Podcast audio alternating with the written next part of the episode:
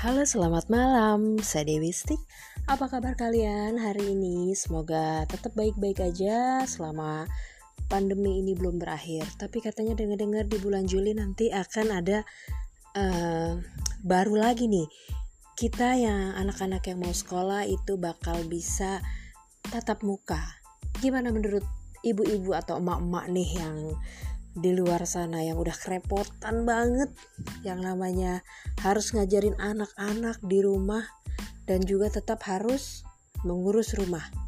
Yuk, kita ngobrol di sini supaya kalian juga plong biar nggak ada rasa yang gimana gitu di rumah aja udah penat harus ngajarin anak harus beres-beres rumah harus melayani suami dan lain-lainnya well semua itu akan kita akhiri nanti insya Allah di bulan Juli ini. Oke, okay? jangan pernah menyerah, tetap semangat.